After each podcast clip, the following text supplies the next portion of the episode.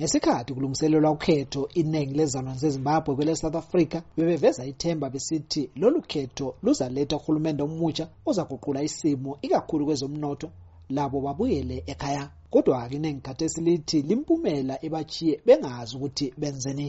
Umnumzana bonganda halimani umgcinihlalo webandla lezaphu kwele south africa uthi kusiya ekhethweni ubezimisele ukubuyela ekhaya ngoba ecabanga ukuthi amabandla aphikisayo azanqoba. Kodwa-ke uthi ukuchitheka kwaleli phupho sekuphazamise icebo lakhe lokubuyela ekhaya. Ngisazoqhubeka ngilapha e-south africa ngibhekile ukuthi kuyini kahle kahle okwenzakalayo um njengalokhu abantu sebekhethile inkokheli zabo. Sibone ukuthi lezi nkokheli ezikhethwe ngabantu zizokhona yini um ukuphakamisa zivuselele um i-ikhonomi yelizwe zikriyethe lamathuba emisebenzi. Ngoba sikwazi ukubuyela ekhaya siyohlala imisebenzi ingekho. Abanye bathi njengoba vele le mpilo isinzima kwele south africa sebedidekile ukuthi bazaqonda phi. Isizalwane sezimbabwe umnumzana umchasiseli gwaza uthi sekufanele bemukele okukhona ngoba ngeke bephile emazweni impilo yabo yonke.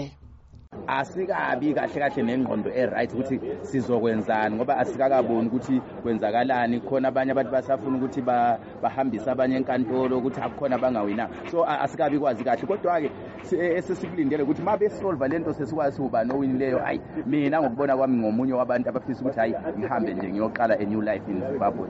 Le yinto esekelwa ngabanye abathi loba bengalisekeli ibandla le-zanu p f indlela umongameli mnangagwa abesenza ngayo ukhetho lungakafiki itshengisa ukuthi ulaso isifiso sokuguqula isimo ezimbabwe.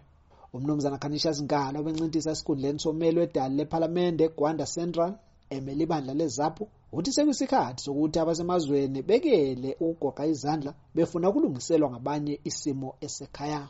Kanti-ke kodwa abantu bakithi bagcwele ku-facebook lakho konke bayakhuluma nje kungela abakwenzayo. Asifundeni ukuthi sifake nini imali yethu lapho kulo mlomo wethu khona. Siyekele nini ukuthi sichiyele abanye sithi bazolungisa ngoba phela abantu abanikezwa ithuba lokuthi balungise.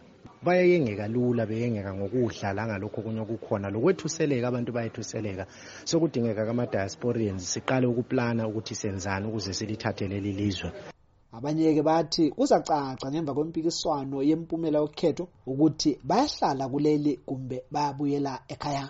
Ngimele studio 7 johannesburg kwele south africa. Ngingubenedict nhlapho